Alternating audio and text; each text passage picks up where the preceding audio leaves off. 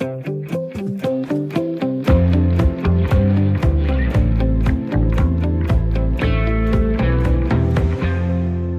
Danmark har vi en lang og stolt tradition for at dyrke vores jord, producere mælk og avle dyr. Og landmænd har i århundreder ejet deres skov selv. Det er der stadig mange, der gør. Men i dag kræver det en god chat penge, hvis man som nyuddannet går og drømmer om at blive selvstændig landmand. Danmark er nemlig på vej i retning af færre, men større landbrug. De bliver mere professionelle og mere specialiserede, og det betyder, at der er behov for større egenkapital for landmanden. Så spørgsmålet er, om vi er på vej mod enden af det traditionelle selveje i landbruget, hvis det simpelthen bliver for dyrt, og om vi vil se nye investorer bevæge sig ind i dansk landbrug. Det kigger vi på i selskabet på Radio 4-programmet, hvor vi tager et par af ugens store erhvervshistorier op, og det gør vi sammen med et par af dem, der kender erhvervslivet bedst, nemlig dem, der kender det indefra. Jeg hedder Stine Lynghardt og er vært på programmet sammen med dig, Jens Christian Hansen, mange år i erhvervskommentator, og dejligt at se dig tilbage i studiet. Du var ude og lufte coronapasset i sidste uge.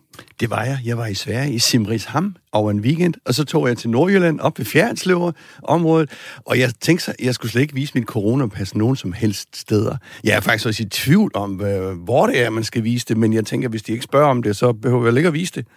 Nej. Men... Jeg tror, der er mange, der er i tvivl om, hvor pokker er det grund, det gælder de coronapas, og hvor, og, og hvad kræves det rundt omkring? Jeg, jeg, jeg tog også toget herinde, og hvordan er det nu med mundbind i toget? Er det, når man går ind og ud, også når det er så men jeg synes, folk er meget afslappet om hele det der, hele det der, alle disse restriktioner i øjeblikket. Og det er også meget dejligt at mærke, at det sådan vender lidt tilbage mod øh, mere herligt, herligt. Men det er dejligt at have dig tilbage i studiet. Og vi har selvfølgelig også to gæster i dag. Det er Lone Andersen, viceformand i Landbrug og Fødevare og økologisk mælkeproducent på en gård i Lyne ved Tarm i Vestjylland. Hej Lone. Hej. Og også Henrik Drosebjerg, chefstrateg i Quintet Private Bank. Velkommen til dig også, tak skal du have. Men før vi tager hul på dagens emner, skal vi lige vende et par af ugens nyhedsoverskrifter. Jeg vil faktisk godt starte, for jeg ved ikke, om I har bemærket det. Udover en masse rødhvide flag i vinduerne rundt omkring i gaderne, så er de hvide huer for alvor kommet ud i gaderne her den seneste uge. Det er selvfølgelig alle studenterne. Har I set dem? I allerhøjeste grad, ja. ja. Og, og det er og den langstilke rose, ja. og de stolte forældre, og de endnu mere stolte bedsteforældre. Og det er jo så dejligt at se, fordi det er jo fremtidens erhvervsfolk, så det er skønt at se. Tillykke til alle studenterne. Men Jens Christian, hvad har du bidt mærke i i nyhedsoverskrifterne? Ja, der er vi måske lidt inde på den, øh, den yngre del af befolkningen, for jeg så en, en historie eller en rapport, tror jeg, der var nogen, der havde fremskrevet uh, til, hvor mange, hvor mange IT-uddannede man skulle bruge i 2030. Og det ser ikke så godt ud, fordi det kommer til at mangle 22.000. Altså kan man så sige sådan et tal, øh, det kan også være 23 eller 20, men det korte af det lange, det er, at IT-uddannelserne ikke kan nå at uddanne de IT-folk, der er behov for. Øh, og i denne tid snakker vi jo meget om arbejdskraftmangel og øh, generelt i samfundet, øh, hvor det også kommer til at mangle 100.000 faglærte. Men jeg kan bare ikke forstå, at uddannelsesinstitutionerne ikke er mere fleksible, så man ligesom fanger nogle af disse bevægelser, for eksempel med IT-uddannelserne. Altså flaskehalsen er øh, uh, IT-universiteterne og de der steder, hvor man bliver øh, uddannet som IT-kyndig af forskellige slags, uh, ikke har plads eller kapacitet. Men Christian, er det ikke også fordi, at det er et område, der hele tiden udvikler sig? Altså, vi har hele tiden jo. brug for nye mennesker på det her område. Jo, jo, jo, jo, men det er vel ikke så... Øh, altså, nu sidder jeg, står jeg her og siger øh, og kritiserer det, men altså, øh, jeg mener, man kan lave nogle fremskrivninger, og øh, så kan man jo prøve at skyde sig ind på. Jeg kan ikke forstå, at det er... Øh, at det går så skævt, og den helt store er selvfølgelig de faglærte, og her er vi over ved håndværksfagene langt hen ad vejen, og Øh, øh, altså, vi kommer til at mangle 100.000. Altså, det går jo ud over hele vores vækst og vores øh, byggeindustri øh, osv. osv. Ja, for det var det, jeg skulle til at spørge om. Hvad kommer det til at betyde? Jamen, det kommer, ja, ellers skal vi jo til at importere arbejdskraft fra udlandet. Altså, vi har jo haft alle de polske håndværkere, som er strømmet herop, og fra Østeuropa. Uh, måske skulle vi til at have nogen fra Syrien også, uh, for nu at nævne uh, et, uh, et farligt... Nej, altså pointet er jo, at vi ikke kan vi ikke har hænder nok i Danmark over de næste 10 år. Og hvordan klarer vi det? Uddanner vi det? Øh, eller skal vi have nogen fra udlandet? Du markerer her, Henrik. Jamen, det er fordi, det er svaret meget enkelt på. Altså, vi, vi er et lille land, vi kan ikke løse det der selv, og det er jo derfor, at, at det her, det pludselig kan spille ind i en indvandrerpolitik, som fylder enormt meget på Christiansborg, øh, men som set med arbejdsmarkedets øjne, synes meget, meget, meget kortsigtet. Vi får skabt i øjeblikket et image eller et brand af Danmark, øh, som ikke er specielt attraktivt øh, rigtig, rigtig mange steder. Og vi har brug for at være attraktive. Vi har brug for at vise et land, som tager imod folk, er dygtige til at integrere dem, øh, fordi vi kommer til at, at at have rigtig mange attraktive arbejdspladser, vi gerne vil have fyldt ud, hvis det skal fortsætte med at gå os godt. Hvordan viser man det? Ja, det gør man i hvert fald ved at have en anden politisk diskussion end den, vi har nu, øh, hvor det indtil videre i hvert fald har handlet om, øh, i stadig bredere og bredere forstand, hvilket parti, der kunne stramme betingelserne mest, øh, og, og bage kager, når man synes, man havde opnået sådan noget. Øh, og det er altså lige præcis ikke det, øh, erhvervslivet og, og til syvende og sidst vores velfærdsstat har brug for. Lone, jeg vil lige vende med blikket mod dig. Er der noget, du øh, følger særligt med i, i, i nyhederne i de her dage? Jamen, øh, det er det. Øh, jeg kan godt øh, lige tage tråden op fra, fra den snak, I har her, fordi det spiller jo rigtig meget ind i, at vi er et meget åbent øh, samfund, og vi er et meget et handelssamfund her i Danmark. Der betyder det rigtig meget, at vi kan tiltrække øh, dygtige medarbejdere, og at vi også kan få dygtige medarbejdere ud i verden, så vi kan få, få handel i gang. Og der er det en historie fra sidste uge af med øh, John Biden, der kom til... Øh, Joe Biden, der kom til EU og fik lavet en, en ny handelsaftale, altså noget, der har foregået i, i 17 år, hvor der har været noget ulovlig statsstøtte til en, til en Airbus af, af Boeing, noget, noget fly og sådan noget, men det har så også betydet, at der har været straftol på nogle forædlede fødevarer øh, fra Europa af. Og blandt andet har der været straftol på, på nogle oste, også her fra Danmark af, på 25 procent. Og det blev så fjernet nu her. Og det håber jeg, den, øh, at det er jo sådan en, det er vi rigtig glade for, at vi kan åbne op, for der er meget sådan patriotisme Øh, omkring handlen har det været, øh, det startede op før corona, og det er blevet endnu værre omkring corona, og så øh, det er meget vigtigt, at vi, vi, vi handler med verden for at kan udvikle os. Og så tænker jeg jo, at, øh, at der er måske noget optimisme, og den blev da, min optimisme, synes jeg, den nyhed i aftes med fodboldkampen, det er jo yeah. også, det var jo fantastisk. Øh, jeg, jeg var herovre i aften, så kunne jeg jo simpelthen ikke, øh, ikke bare ligge mig til at sove med alle de her syngende folk og dyttende biler ude på gaden, så jeg måtte jo, jeg plejer jo at være over i, i Jylland, øh, hvor man ikke sådan kan gå ud og se nogle mennesker, så, så var jeg nødt til at skulle gå en tur og se alle de her utrolig glade, festlige mennesker, som jo igen viser den situation, der har været med, med fodbolden, også en åbenhed og en, øh, en øh, tillid og en øh, hjælpsomhed på tværs af, af grænserne, på tværs af, af, af også øh, forskellige lande. At den håber jeg, den åbenhed og positive øh, samarbejde, det er starten og måske slut på den her corona-forbudthed. Så det Men, var så dejligt. Hvis jeg lige må, det taler vel ind i hele den der også, Lone. Altså USA-Kina-konflikten er jo ikke forbi uh, på, på handelen som det, tror jeg i hvert fald. Jeg tror, at det bliver skærpet, mm. om så USA-Europa og det er vel også det, du snakker lidt ja. om, altså om så Europa øh, og USA kan nærme sig lidt, det kunne man så håbe på, men den anden tror jeg, der bliver, øh, den tror jeg eskalerer. Altså, jeg tænker jo bare, at, at, øh, at omkring de her handelsaftaler, øh, hvor der er jo nogen, der lukker sig mere og mere om sig selv. Vi så sådan en, en, en rigtig, jeg synes jeg, en træls historie, hvor man lavede CETA-aftaler over til Kanada, hvor Holland, et meget åbent handelsland, øh, jo normalt er åben for handel, men stemt imod den aftale. Ikke også? Og, og jeg tænker jo, aftale, altså handelsaftale er meget vigtig, fordi du kan også stille nogle krav. For eksempel til Brasilien kan du sige, at du skal, vil kun handle mere, hvis I øh, ikke fjerner mere regnskov, hvis I bruger mindre antibiotika, og da, altså lave nogle klimating, med nogle aftaler rundt i verden. Så handelsaftaler er ikke bare, vi bytter mad. Vi kan også lave nogle politikker, der kan løfte øh, uligheden og, og befolknings... Øh, Men betyder sådan en handelsaftale også noget for dig som landmand? Helt vildt meget. Helt vildt meget. Altså, det betyder noget, om, om, om der pludselig er 25 procent, altså 12 øh, på noget af det, jeg skal sælge ud af landet, ikke også, så får jeg jo mindre. Det går direkte tilbage, for jeg ejer jo selv Arla og Danish Crown, det er jeg selv medejer af, ikke også? Øh, så det, det går direkte tilbage til os, så det betyder rigtig meget. Det er noget, vi følger meget med i. Ja. Henrik, er der noget, du følger med i i nyhederne?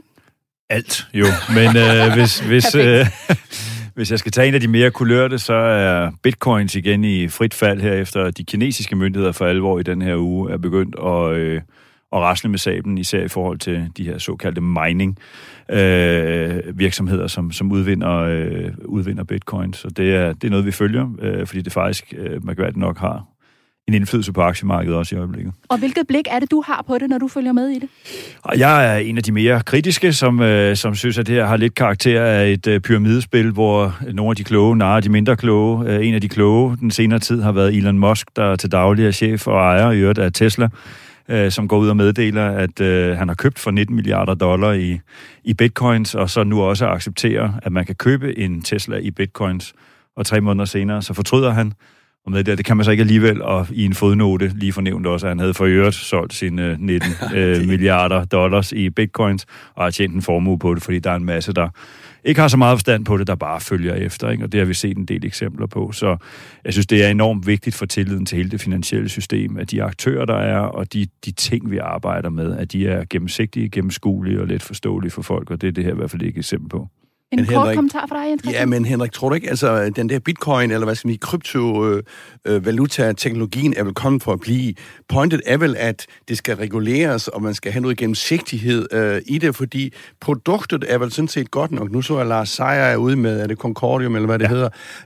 Øh, men men som, så, og hvis jeg forstår det, så skal det være et reguleret marked, yes. og det er vel det, det handler om. Men der er forskel. Øh, Lars Seier kommer med et system, hvor man kan lave transaktioner. Han kommer ikke med en valuta. Og det der er min pointe. Bitcoin er ting som en valuta, altså et alternativ til, at du bruger kroner, eller euro, eller dollar, eller hvad du nu gør. Og hvis vi ser på de sidste to store globale kriser, vi har været igennem, så har de to absolut mest magt, eller det absolut mest magtfulde instrument i begge kriser, det har været pengepolitikken, altså den politik, som central- og nationalbanker fører verden over. Den kommer de ikke til at give slip på. Og derfor tror jeg, at selve valutaelementet i det bliver, bliver, bliver fjernet, det bliver forbudt på et eller andet tidspunkt. Men teknologien bagved, hvor man kan følger det. Det kan jo være alt muligt. Det kan være en container, du, det kan være en ost, du sender øh, på tværs af verden. Den vil du så fuldstændig kunne følge, og du kan kunne se originaliteten i det, og du har en meget, meget sikkerhed, stor sikkerhed for, hvor varen er, og hvor den kommer fra, og at den indeholder det, den indeholder, så vil man kan lægge en masse sikkerhed ind i det her. Den teknologi skal nok bestå. Lad os runde nyhedsoverblikket af her. Tak til jer alle tre. For mange unge landbrugsstuderende er det den ultimative drøm at få foden under eget bord og eje sin egen gård. Men det er svært, for det kræver en stor egenkapital, og måske kan det blive nødvendigt at se sig om efter en anden ejerform. Spørgsmålet er, om vi kommer til at se flere nye ejerformer i landbruget i fremtiden. Og Lone, jeg vil godt starte hos dig, fordi du er jo økologisk mælkeproducent på en gård i Lyne ved Tarm i Vestjylland. Hvordan blev du egentlig selv landmand? Ah, det er jo så lidt en utraditionel måde, jeg blev landmand på, fordi jeg fandt jo en landmand og blev gift med ham. Øh, og han havde gården, så det var jo, det var jo lidt nemt. Men den er jo, øh, det er jo ved, ved selveje. Øh, vi har den, har ejer gården, men står jo også og skal generationsskifte den her på et tidspunkt, og der går vi jo også og tænker på, hvordan er det lige, vi skal gøre det. Hvad er det for nogle tanker, I gør jer? Ja? Jamen, vi går nogle, med nogle tanker om, øh, der skal komme en ind, og det skal være ren handel, eller det skal være delvis handel, om det skal over i en form for selskab. Øh, øh, simpelthen finde ud af, øh, hvem vi finder, der kan, vi kan blive enige med om at finde en god aftale om. Og for det, vi skal bruge alle de værktøjer, der er i værktøjskassen omkring øh, øh, ejerformer, fordi der er mange forskellige størrelser landbrug, og der er mange forskellige måder at komme i gang med, med landbrugene på. Så det er bare om at få bruge det, der passer bedst i, øh, på de enkelte ejendomme. Og hvad er det for nogle udfordringer, I står overfor i forhold til, om det er det ene eller det andet, det bliver, øh, når I skal give jeres gård videre? Jamen, øh, det betyder noget, om vi har nogle penge til os selv, om vi får dem penge, vi skal have for det til os selv, og det betyder også noget, om det er til selveje, så den kører videre øh, som den øh, øh, moderne, effektive produktion, som vi har med nogle, med nogle avlstyr, og øh, det betyder også noget. Så, så der er nogle, nogle følelser i det her også, og noget kulturelt i det og, øh, for os. Øh, men øh, der kan være andre, der har andre, øh, altså hvis det er udelukkende penge, man tænker, så kan det være, at det er en helt anden måde, man vil sælge det på. Ikke? Også, så det er jo helt forskelligt fra, fra landmand til landmand. Er det ikke familie? Altså hele landbrug er jo sådan, det, nu kommer jeg selv fra landbruget også, ældste søn. Min far og mor var nok lidt skuffet over, at jeg ikke ville gå landbrugsvejen. Men mit point er, at I er ikke inde i noget familievurderinger øh, øh, vurderinger her. Nej, altså min øh, mand er nok også lidt skuffet over, at vores øh, søn, han ikke vil gå, øh, gå landbrugsvejen. Han siger selv, at han var ikke dygtig nok til det, så han er blevet ingeniør i stedet for. Øh, oh, så, ja, det kan jo gå, ja, gå så, helt så, galt for enhver, ikke? Ja, lige præcis. Ikke også? Øh, så øh, det, øh, det er sådan i dag, der er så mange muligheder, apropos de unge mennesker kommer ud som studenter, der er kæmpe masse muligheder for de unge, og man skal kun være landmand og selvstændig med landmand, hvis man vil det 110 procent. Fordi det er et arbejde, der, der kræver dig rigtig meget, men så er det også spændende, når man er kommet i gang med det. Men det er, det, det er så ikke nogen af vores børn, der lige er, er klar til det, så vi skal finde en anden person. Men betyder det noget for dig, at du ejer din gård selv, og du ejer din landbrug selv? Ja, Hvorfor? det betyder rigtig meget. Ja, hvorfor? Fordi alt det, jeg laver på min gård, som jeg kan give videre, hvor jeg passer på jordens frugtbarhed, når jeg laver noget med biodiversitet, når jeg laver med noget med nogle søer, nogle engearealer, nogle læhegn, øh, og gør det klar, tænker hele tiden på at gøre det klar til den næste person, så det kan blive nemmere øh, og bedre for, for bedriften hele tiden optimere på det. Øh, det betyder rigtig meget, at øh, jeg selv ejer det. Hvis nu det var noget jord, jeg, jeg udelukkende lejede, så er det jo ikke sikkert, at jeg vil lave nogle forskellige naturtiltag, som vil kunne være der i rigtig mange år, som jeg vil kunne få glæde af, øh, hvis jeg nu kun kunne lege det i fem år, eller sådan noget i gangen. Ikke også? Det betyder rigtig meget, at vi ejer det selv, ja.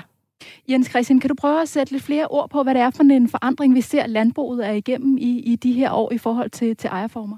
Ja, altså vi skal sige det med et enkelt ord, og det kan være, at Lone er uenig, så er det kapital.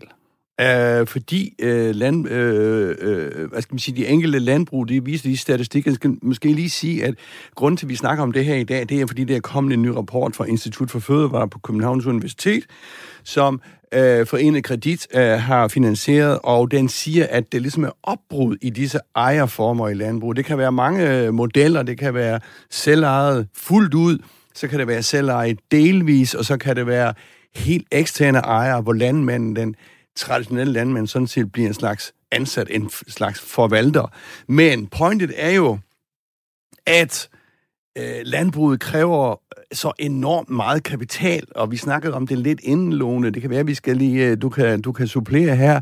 Altså, de der store svinebrug med 10, 20, 30.000 øh, øh, produktion af fedesvin om året, øh, mælke, mælkebønder med 1000 mælkekøer og, og, og flere hundrede hektar. Altså, hvis de skal generationsskiftes eller sælges, så kræver det flere hundrede millioner, nogle gange i hvert fald. Og hvordan får du det op at stå i et selveje? Det er rigtig, rigtig, rigtig svært. Så det er baggrunden for, at nogen snakker om opbrud i ejerformerne. Vil du kommentere på det? Jamen det vil jeg gerne, fordi det er fuldstændig rigtigt. Vi har så mange forskellige størrelser af landbrug, og der er nogen, der er i den størrelse, som du siger der, og der kan man jo ikke bare lige gå ud fra landbrugsskolen af, og så gå ud og blive direktør på sådan en million firma der.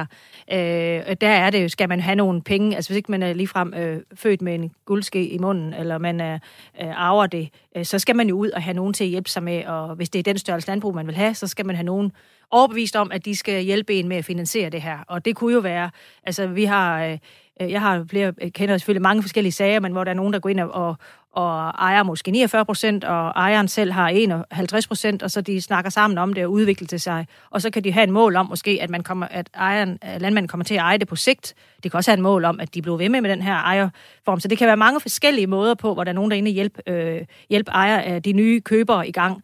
Og, men det skal man jo gøre op med sig selv, fordi det, som vi også snakkede om lige før, det er, man kan jo også købe noget, der er mindre. Mm. Altså, det kan også lade sig gøre. Det er jo ikke alle gårde, der er så store. Altså, så du kan sagtens købe noget, der er mindre. Og der kan du også starte op på, på og det står der også i rapporten, at man kan blive sharemilker, for eksempel. Altså, du kan starte med at lege øh, en, øh, en gård og eje køerne, og lege husene, og så øh, på den måde malke køerne og vise, at du kan passe de her dyr, det kan også være grise, passe dem, og vise, at det øh, magter du, Øh, du kan få det til at, du viser noget på dit papir, på dit CV, du får noget sparet op, og så har du på den måde måske en eller to millioner, hvad nu det bliver i løbet af nogle år, kan du så gå ud og købe noget større. Så det er også en måde på det samme. Ja. Må jeg ikke lige smide en bombe ind her, øh, Stine, fordi, øh, fordi landmænd er jo et specielt folkefærd. Det kan jeg godt sige, for jeg kommer selv fra landet. Og de er, øh, de vil helst ikke afgive øh, for meget af indflydelsen. Og Øh, det er jo, var det 20 år siden, hvor pensionskasserne kastede flere hundrede millioner ind i landbruget, altså i de store fødevareindustrier, ikke i primær landbrug, men ind i fødevareindustrien, uh, Tulip, øh, uh, MD Foods, og uh, de, kunne ikke få, uh, de kunne ikke få indflydelse, det gik helt galt. Og hvis du går ud og spørger pensionskasserne i, dag, så vil de ikke ind i landbruget.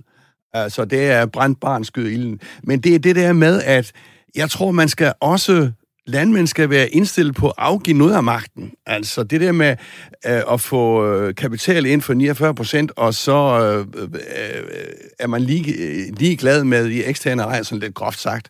Øh, fordi det handler jo noget om, at, at, at øh, altså selvfølgelig er det en landmand, der, der driver gården, der ved, hvordan det skal drives. Men, men, men det er jo også kapitalen, der bestemmer. Og, landmænd er altså ikke glade for at afgive for meget indflydelse. Han prikker lidt til dig, Lone. Hvad ja, siger du? Jamen altså, det er helt klart, at uh, hvis du har en, en, en investor inden, der ejer måske cirka 50 procent eller meget, så skal de også have indflydelse. Det er helt klart, og der laver man jo bestyrelser. De steder, der laver man bestyrelser, og der er landmænd jo, altså det er jo er også nogen, der har rigtig meget gavn af, at der er en bestyrelse, man skal ind og forklare og forsvare, hvad det egentlig er, man gør, og så have dem som sparringspartner, har man nogle rigtig dygtige folk til at sidde der. Så det er jo noget, som man, uh, man går ind og, og gør aktivt de store steder. Men vi kan jo spørge dig, Henrik. Du er jo manden med pengene.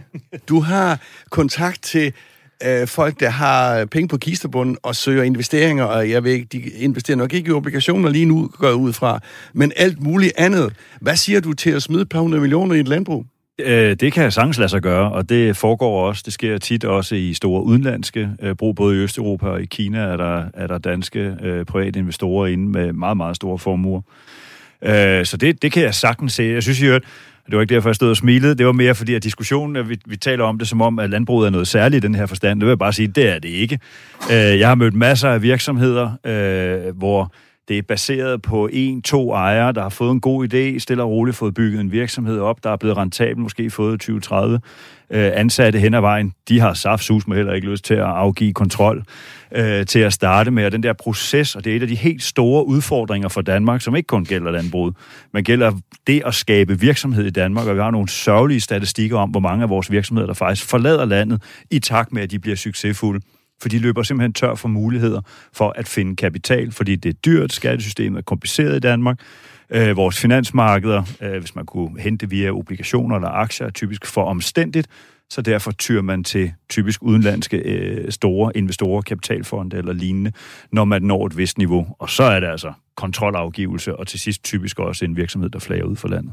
Hvem er en, øh, interesseret i at investere i dansk landbrug?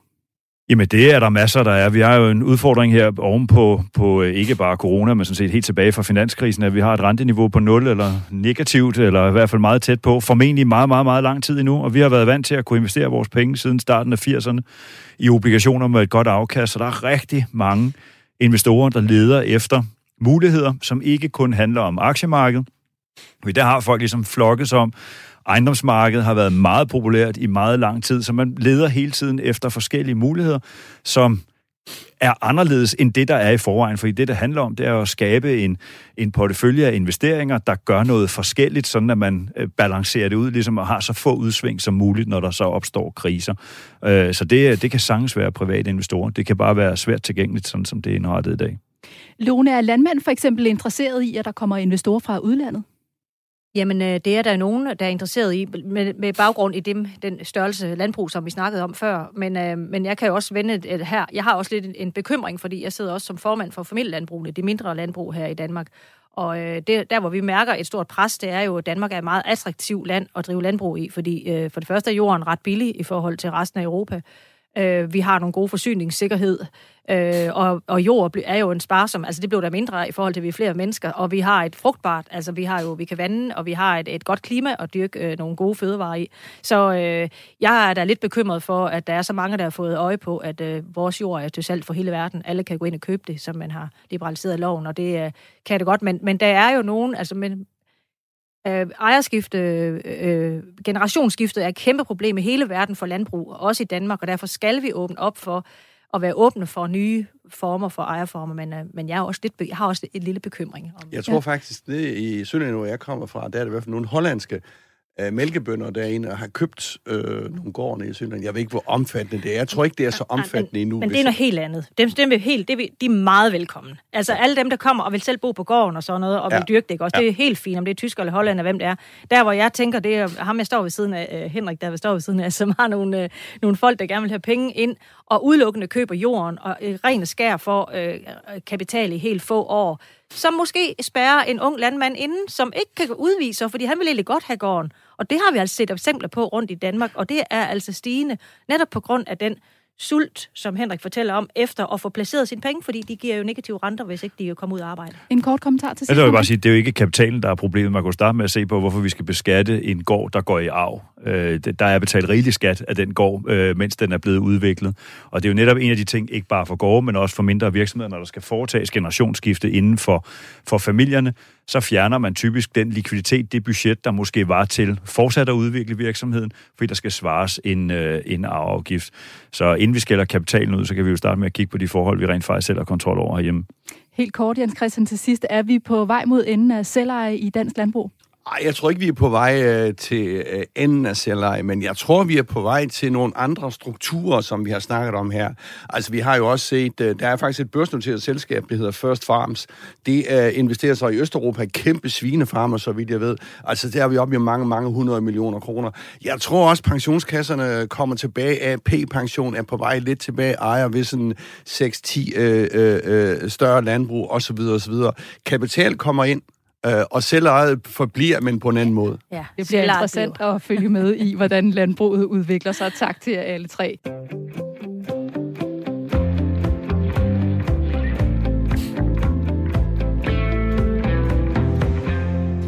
Vi er i fuld gang med selskabet på Radio 4-programmet, hvor vi går i dybden med et par af ugens store erhvervshistorier og går tæt på nogle af de personer, der gør en forskel i dansk erhvervsliv. Jeg hedder Stine Lynghardt, og ved siden af mig har jeg min medvært, erhvervskommentator Jens Christian Hansen. Og vores gæster er i dag Lone Andersen, viceformand i Landbrug og Fødevare, og Henrik Drosebjerg, chef, chefstrateg i Quintet Private Bank. Det skal være sværere for boligkøbere at tage et afdragsfrit lån. Sådan lyder anbefalingen fra det, der kaldes det systemiske risikoråd, hvor blandt andet Nationalbanken og Finanstilsynet sidder. Risikorådet har længe været bekymret for, at priserne på boliger kun gik én vej, og det var op, op, op. Det har derfor været fuldt med spænding, hvad rådet ville foreslå til at lægge en dæmper på det glohede boligmarked. Og nu foreslår det systemiske risikoråd, at man sørger for, at danske boligejere ikke kan optage afdragsfrie lån, hvis de skal låne mere end 60 procent af boligens værdi.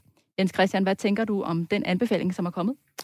Ah, altså grundlæggende er det jo altid sådan, hvis man begynder at regulere noget, øh, så skaber det nogle problemer et andet sted. Det er ris- risikoen i hvert fald. Altså nu vil de... Altså det giver jo meget god mening at, at sige, at folk skal have lidt mere på kistebunden, når de skal ind på boligmarkedet, fordi det gør jo, at hvis boligmarkedet går ned, så er det lidt øh, større sandsynligt for, at det kan blive i boligen. Men altså, Øh, altså, jeg kan forstå nu her, at de kloge hoveder er jo uenige om øh, markedet. Altså, de økonomiske vismænd for eksempel, de siger, tøv nu lige øh, 6, 10, 12 måneder og se, øh, hvad det sker, fordi det hele ser sundt nok ud nu.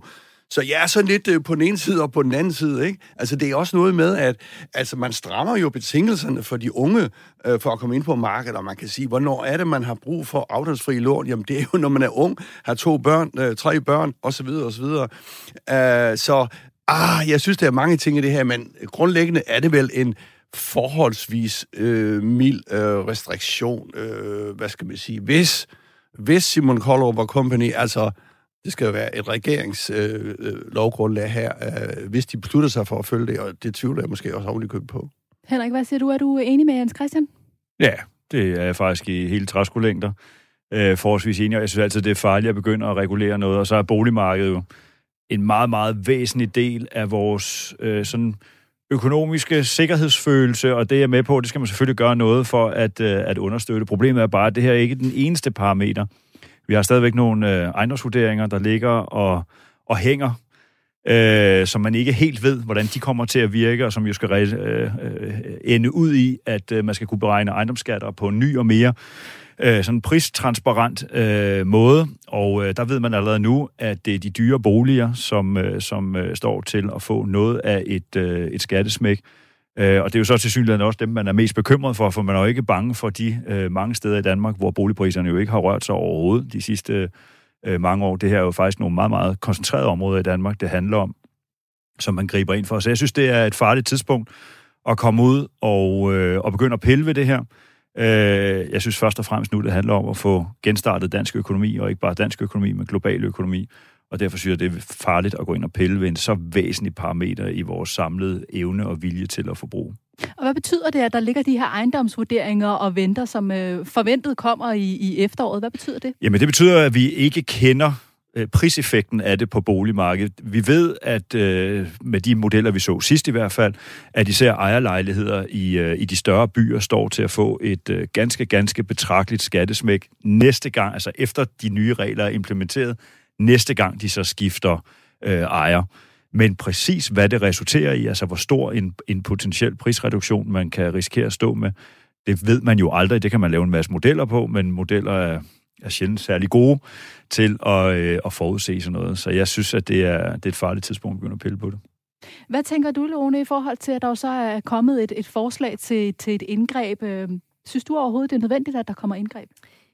Øhm, nu har jeg to døtre, der lige er kommet på øh, boligmarkedet for første gang nu her, så jeg har spurgt øh, en af dem om, hvad hun sagde om det.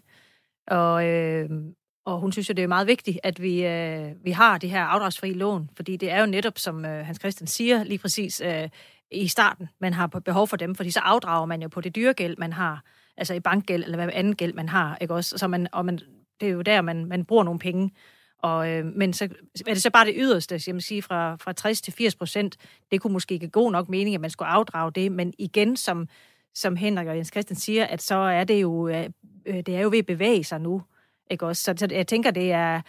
Øhm, det, det, jeg tænker ikke, det jeg tror ikke, de kommer igennem, at de, de får det her stramt, for det er jo meget lidt i forhold til, hvad de egentlig nok har haft mål om at lave, fordi var de ikke også ved at skrive nogle, øh, øh, sige noget om fra 5 til 10 procent i, øh, i udbetaling.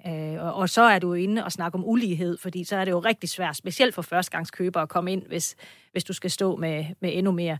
Men igen også, er, er det jo noget med, altså man også selv skal have noget forsigtighed med, fordi at øh, som ung, så kommer, altså banken går jo ind og siger, for eksempel stresstester øh, projektet, og siger, jamen, øh, du skal kunne forrente det. Øh, du skal kunne betale afdrag, fuld afdrag på et fastforrentet lån, og hvis du kan det, så må du selv bestemme, hvordan du gør det. Så, så det har også noget med rådgivning at gøre, og, men øh, ja. Du markerer. Ja, men det var præcis i forlængelse af det, øh, Lona er inde på her, at det her, det er, jo ikke, det er jo ikke det første initiativ, der kommer. Der er jo faktisk lavet ganske, ganske massive opstramninger på det her siden øh, finanskrisen. Man kan maksimalt belåne sin husstandsindkomst i dag med en 3,5 til 4 gange, så vidt jeg husker.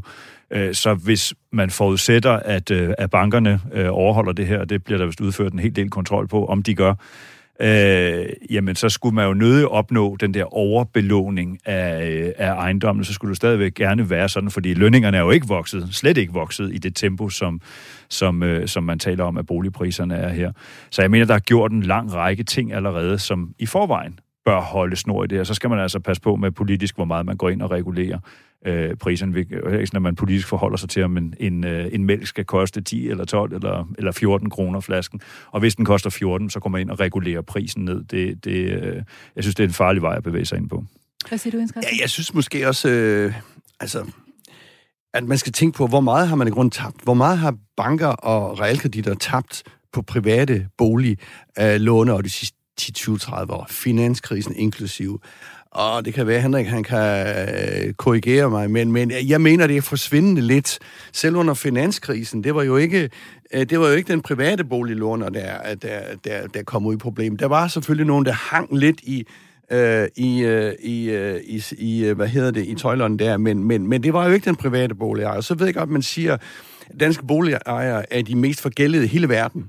Øh, men vi har også verdens suverænt bedste realkreditsystem, som er hægtet op på, at du øh, er måske den, øh, den laveste rente overhovedet, og så et administrationsbidrag. Altså, bare for at sige, at vi har et faktisk et stærkt system, synes jeg, øh, som... Øh, så hvis øh, politikerne og øh, vil ind og forsvare bankerne her, så er der måske nogle andre metoder, de skal bruge, end at gå ud og regulere sig meget på på de satser der, synes jeg. Altså, jeg synes, det er lidt...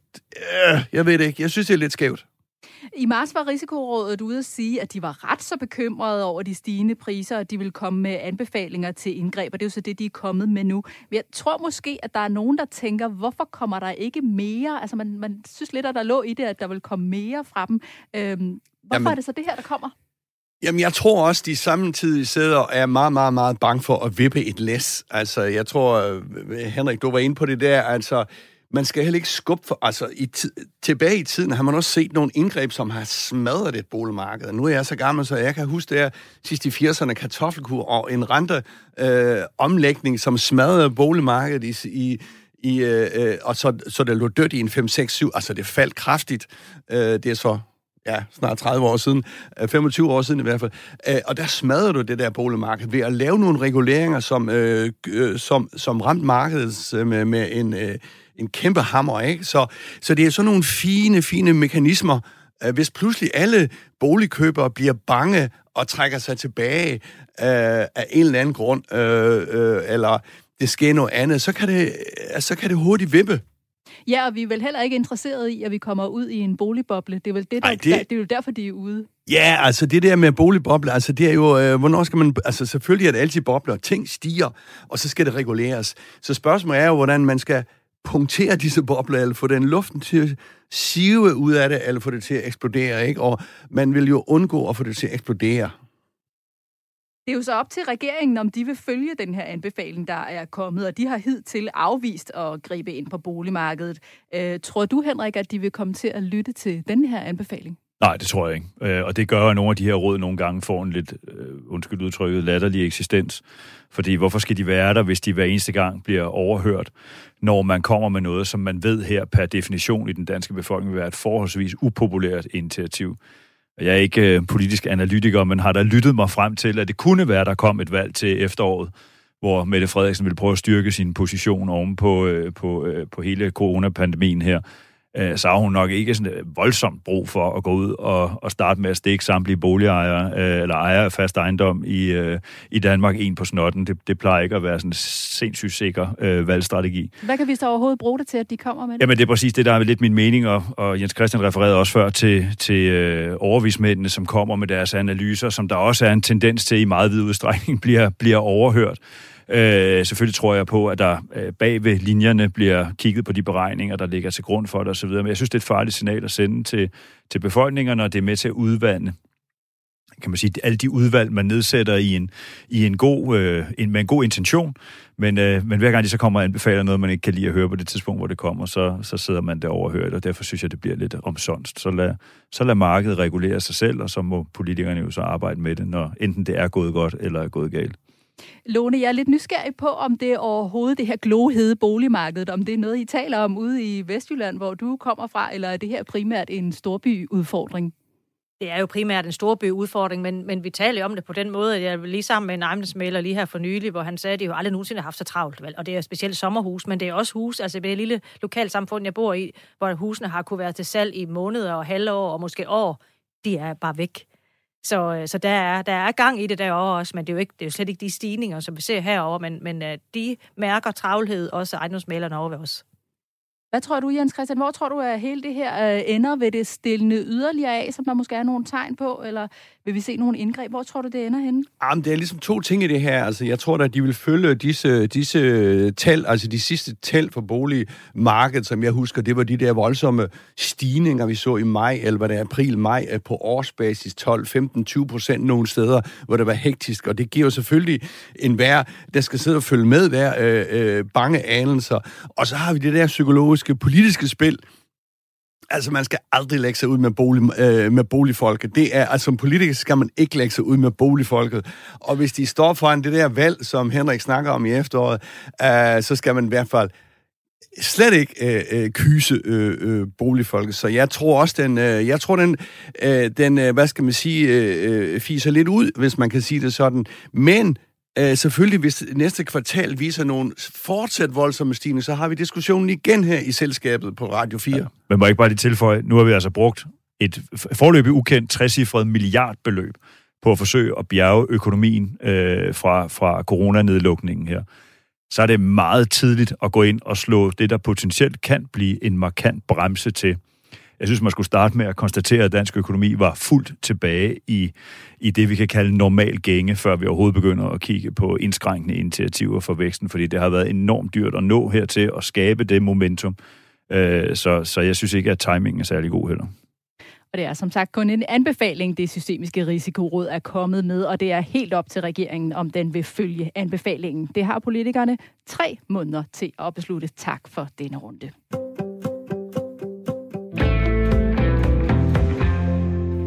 Nu skal vi videre til ugens erhvervsprofil. Hver uge tegner vi her i selskabet profil af en person, der spiller en stor rolle for eller i dansk erhvervsliv. Og denne gang er det Nationalbankdirektør Lars Rode, vi kigger på. Han er 67 år og har været direktør for Nationalbanken siden 2013. Han er uddannet kan økon og har flere store økonomiske poster bag sig. Han har blandt andet haft flere ledende poster i Realkredit Danmark, og han har også været direktør for Arbejdsmarkedets Tillægspension ATP. Jens Christian, prøv lige at gøre os lidt klogere på, hvem Lars Rode er. Jamen, Lars Råde, han er jo en, der har været med i gamet nu i, øh, nu siger du, han er 67 år, jamen han har jo været med på ledende poster i 40 år i dansk, øh, hvad skal man sige, finansverden og i den øh, halvoffentlige og helt offentlige verden. Han er en type, som ikke er bange for at sige øh, nogen imod. Uh, han sidder i en institution, som er uafhængig af politiske interesser. Altså, politikeren kan ikke gå over og sige til ham, hvad han skal gøre. Dog har man for lige at få den med. Han skal føre sådan en fastkurspolitik, men lad nu, nu, nu, nu den ligge i dag. Han har egne holdninger, og han lufter dem gerne. Uh, han er modig, og han er relativt kommunikerende for en, uh, en, uh, en centralbankchef. Uh, det synes jeg. Hvad mener uh, du med det? Jamen altså, han er ude og kommentere Øh, de har, jeg tror, det er fire årlige øh, redegørelser, men derudover kan man jo som journalist forholdsvis let øh, få interview med ham. Jeg har snakket med ham rigtig mange gange, både øh, til og uden for citat, og øh, så er han også en lidt stedig, øh, en lidt stedig gut, øh, som øh, holder meget på sine... Øh, principper og, og sine idéer, men, men han er ikke... Øh, altså, jeg synes, det er vigtigt, at du har en nationalbankdirektør, som er sig selv. Uh, ligesom, uh, hvis det er nogen, der kan huske Hofmeier for, for mange, mange, mange år siden. Det er jo en vigtig position, måske ikke så vigtig som i USA, og andre steder, fordi der er relativt begrænsede øh, ting, du kan øh, kaste dig ud i. Men for eksempel øh, kom Lars Rode jo med en varm anbefaling af Bankunionen, hvis det er nogen, der kan huske det for to år siden, øh, hvor vi diskuterede det. Politikerne ville ikke have en bankunion, det var jo det der øh, skrækkelige EU og så videre og så videre. Han kom ud med en varm anbefaling, selvom han vidste, at politikerne ikke kunne lide det. Øh, og jeg ved ikke, hvad det er rigtigt og forkert der, men øh, bare for at sige, at han tør godt gå imod øh, den øh, politiske øh, holdning på bjerget der på Christiansborg. Og kan du prøve at knytte på ord mere på, hvad det er for en post, han besidder i Nationalbanken? Altså, hvor meget fylder den? Ja, men altså, det er vel sådan, når du laver sådan en imageundersøgelse og sådan noget, og troværdighedsundersøgelse, så, øh, så, så kommer Nationalbankdirektøren altid øh, meget langt op. Der er meget stor troværdighed til den danske øh, til den danske nationalbank, til uanset hvem det er. Øh, men som sagt, så er der visse, der er visse begrænsninger, hvad han kan inden for det pengepolitiske. Om, han kan jo sådan set gøre, hvad han vil på det pengepolitiske område, altså øh, med renten. Øh, forudsat, at han holder sig inden for øh, valutaspændet, altså den der såkaldt, øh, vi har snakket om nogle gange, fastkurspolitikken. Men jamen, så skal han jo sørge for øh, sædelomløbet, øh, som det hedder, ikke? Altså, øh, Øh, og så skal, altså, det er sådan set ham, der har ansvaret for den kongelige mønt. Øh, så, så, øh, og, så, og så er vi tilbage ved det der med, øh, jamen, så kom han med nogle anbefalinger og nogle vurderinger, som man så øh, måske ikke altid hører på, øh, men, men, øh, men han har en, øh, en selvstændig rolle. Og Lars Rode har jo flere gange været ude i offentligheden og været ret klar i mailet med sine udtalelser, for eksempel i forbindelse med, at erhvervsminister Simon Kollerup kritiserede bankerne for deres minusrenter. Øh, er det nødvendigt også at kunne være meget klar i mailet i den stilling, Henrik? Hvad siger du? Ja, det er det i allerhøjeste grad. Fordi jeg tror, nu har Jens Christian nævnt der nogle omgange med, på, med forskellige indgangsvinkler, men, men det, der handler om institutionen Nationalbanken, det er troværdighed troværdighed omkring den danske krone, og det, at vi i Danmark fører en økonomisk politik, der gør, at man kan have fuldstændig tillid til, når man handler med Danmark, som jo ikke er gået med i euroen, at den danske krone har den værdi, den skal have, øh, fordi ellers er det jo en ekstra risiko, at man skal, hvis man for eksempel skal sælge landbrugsprodukter, øh, så ved man ikke, hvad man afregner til. Så der ligger en enorm troværdighed i det, og derfor er det også ekstremt vigtigt, at man har en, en direktør for banken, der kommunikerer meget præcist og meget klart, og med en rød tråd, om man så må sige. Det ikke er sådan noget, der, der øh, flakser til højre og venstre. Så ja, i allerhøjeste grad. Synes du, Lone, at det er godt, at han er ude og, og blande sig i den offentlige debat på den måde, han gør det? Jamen altså, jeg tænker jo bare, at det er utrolig vigtigt, at vi har en stærk person på den, hvor jeg kun øh, øh, være enig med, med de to mænd her på min venstre side, at, øh, at det er vigtigt, at vi har en fast kursrente, og derfor er det vigtigt, at der sidder en, en, en bestemt og fast og klog mand på, på den post. Jeg ved, at vi har nogle kæmpe masse øh, udfordringer nede ved EU med noget, der hedder, jeg tror, det hedder Basel 3, nu eller hedder det 4 eller 5, øh, som er, øh, udfordrer vores øh, realkreditsystem rigtig meget, fordi vi, det er helt specielt, at vi har det realkreditsystem i Danmark, som vi har, som jo er, er gavnligt for os. Så både det realkreditsystem skal, kræver også en sikker hånd, og det, der har han sikkert også noget balance der, ikke? også sammen med fastkursen. Det er alt afgørende for hele vores økonomi, at, øh, at vi har en, en, også en, en fast og dygtig mand der. Hvad siger du, Henrik? Jamen, jeg vil sige, at, at det, er jo, det fortaber sig tit i teknik, men det er jo, når der er allermest krise faktisk, at vi ser den danske nationalbankchef øh, arbejde mest bag ved linjerne. Vi så det tilbage i, nu kan jeg ikke huske årstallet, men da vi havde gældskrise i Europa, og Schweizerfranken pludselig eksploderede og måtte bryde det loft, den normalt havde været kontrolleret under. Så var der nogle øh, udenlandske investorer, der mente, at de kunne lave samme stunt med den danske krone, og simpelthen presse os ud af den her fastkurspolitik, som vi ellers har, har efterlevet. Og der, så vidt jeg husker, øh, Jens Christian, der må du korrigere mig, var det ikke Bjarne Korydon og den daværende nationalbankdirektør, der i fællesskab som var ude og garantere, øh, politikken. Bjørn Korydon vil blive ved med at udstede dansk, øh, hvad hedder, statsobligationer, og, og Nationalbanken vil blive ved med at opkøbe den for simpelthen at modvirke de her øh, investorers forsøg på at spekulere mod Danmark og den danske krone. Vi så det også tilbage i selve finanskrisen, havde den Nationalbank en meget, meget aktiv rolle, da tilliden brød sammen bankerne imellem. Vi har brug for løbende dollarlikviditet, for eksempel, fordi vi har masser af virksomheder, der ligger og handler i det her. Når de handler varer på den, på den anden side, der har Nationalbanken en meget, meget central rolle. Nu talte vi også lige om øh, boligmarkedet før. Der har Nationalbanken jo også flere gange været ude og advare om de stigende priser, og, kryst- og krystalklart sagt, at der er brug for indgreb. Øh, men også en justering af boligskattesystemet for at undgå, at det bliver et lotteri, når man køber bolig, som Lars Rode siger. Prøv lige at høre et klip med Lars Rode. Det er et klip fra Nationalbankens egen Facebook i forbindelse med det netop afholdte folkemøde. For nu fikset det der boligskattesystem, sådan så skatterne går op, når priserne går op, og skatterne går ned, når priserne går ned. Det vil i sig selv virke stabiliserende. Det vil gøre det der øh, lotterifænomen øh, meget mindre. Og det vil være godt både for den store økonomi, men sådan set også for den lille økonomi, altså hver enkelt af os. Ja. Igen en ret kontant udmelding, Jens Christian. Øh, hvad, hvad er det, Lars Rode han øh, er inde på her? Jamen, altså, det er jo fuldstændig øh, rigtigt, hvad han siger her, altså, som vi har snakket om mange gange. Altså, der skal en kæmpe stor reform til. Det giver jo ikke nogen mening i, at man kan, øh, at jeg kan sidde og tjene mere på mit hus end på arbejde. Men når det er sagt, så kræver det godt nok, at man skal tænke det godt igen, og du skal lave en indfasning over 10-15 år. Jeg tror, jeg her mange gange har nævnt den der store indgreb, der var i 86-87, øh, hvor det smadrede hele systemet. Altså, pointet er jo, øh, mere skat på, øh, på, øh, på frie gevinster, kapitalgevinster, kan du sige, og mindre skat på arbejde.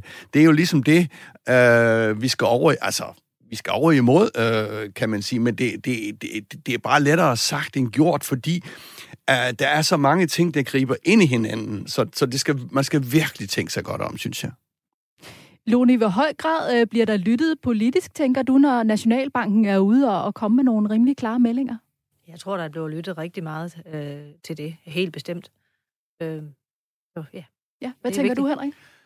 Ja, men både og. Altså, Simon Koldrup har jo ikke lagt sig ned, efter han blev rettesat af farmand, vel? Øh, fordi han, han, han gik ud og udtalte sig om noget, han helt åbenlyst ikke vidste noget som helst om. Øh, og så fik jo altså en offentlig øh, skæld ud, man kalder man det ikke en skideball, når det, men det var jo i princippet det, han fik, ikke? Øh, det tror jeg, der giver stof til eftertanke, øh, selvom han efterfølgende sig, at han mener stadig det, han mente, ikke? Øh, jeg mener absolut, det er en institution, der har ørenlyd, og, og at, at man tager det med, men igen, der ligger politisk timing og alt muligt andet ovenpå os, og så er det jo ikke sikkert, at Nationalbanken har ret hver gang, øh, men selvfølgelig bliver der lyttet.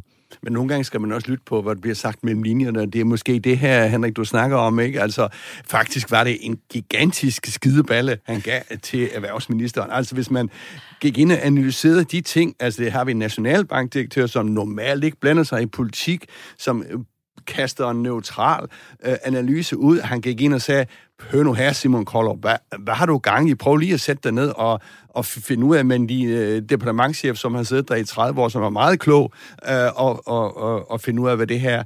Må jeg ikke lige øh, få en lille ting til Lars Rode? Det er meget sjovt, øh, som måske ikke nogen, der ved, men han er sådan set opfinder af flekslånene. Han sad i hvert fald i direktionen i Realkredit Danmark i 90'erne, da de der flekslån kom. Og hvad er flekslån? Det er det, vi alle sammen tager i dag. Altså rentetilpasningslån, 1, 3, 5, 10-årige og afdragsfri kom så senere, osv. osv. Så han er selv manden, og derfor ved han også en hel del om det her øh, marked. Han er sådan set selv manden, der har opfundet disse fleksible renter, som vi har på det danske boligmarked i øjeblikket. Ja, han har bedrevet en hel del, vi under ugens erhvervsprofil af her. Tak skal I have.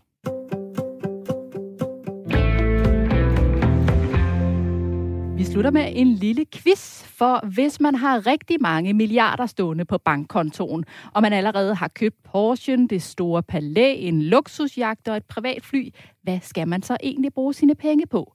Jo, hvis man spørger tre af verdens rigeste, så skal man kaste sig over rumturisme. Lige nu kæmper Amazon-bossen Jeff Bezos, den britiske milliardær Richard Branson og Tesla-grundlæggeren Elon Musk en indæt kamp om, hvem af dem, der kommer først ud i rummet og dermed møver sig i front inden for rumturismen. Jeff Bezos har netop offentliggjort, at han og hans bror rejser ud i rummet sammen allerede den 20. juli. Og de tager faktisk endnu en person med sig. Det er en person, som vi ikke kender endnu, som netop har købt en billet til denne her rumfart på en auktion. Men spørgsmålet er, hvad denne ukendte person har betalt for at komme med Jeff Bezos og hans bror ud i rummet. Lad mig få et bud fra jer alle tre. Hvad siger du, Jens Christian? Hvad har det kostet? Ah, men får man ikke, øh, får man ikke noget at, at gætte på? Skal jeg bare sådan skyde det? Det er nogle millioner i hvert fald. Okay, så siger vi 5 millioner dollar. Ja, kan vi snakke danske kroner? Dollar. Nå, danske kroner. Skal jeg i gang med 6 eller hvad? Ja. 30. Godt. Og hvad siger du, Henrik? Den dobler jeg Du dobler til, til 60. 60 millioner, og hvad siger Så du, tager Lone? jeg midt imellem. Så tager du 45. midt imellem. Jamen, så er det altså Henrik, der er tættest på, fordi den ukendte køber har betalt knap 170 millioner danske kroner for at komme med ud i rummet. Og der venter nu en tur, som kommer til at vare 11 minutter i en højde af 100 km over jordens overflade, og de tre af minutterne kommer til at foregå i vægtløs tilstand, og det koster altså intet mindre end 170 millioner kroner. Tak til vores gæster, Lone Andersen, viceformand i Landbrug og Fødevare, og Henrik Drosebjerg, chefstrateg i Quintet Private Bank. Og tak til dig, Jens Christian. Vi ses igen på næste onsdag. Programmet var produceret af Beam Audio Agency for Radio 4. Tak fordi du lyttede med. thank you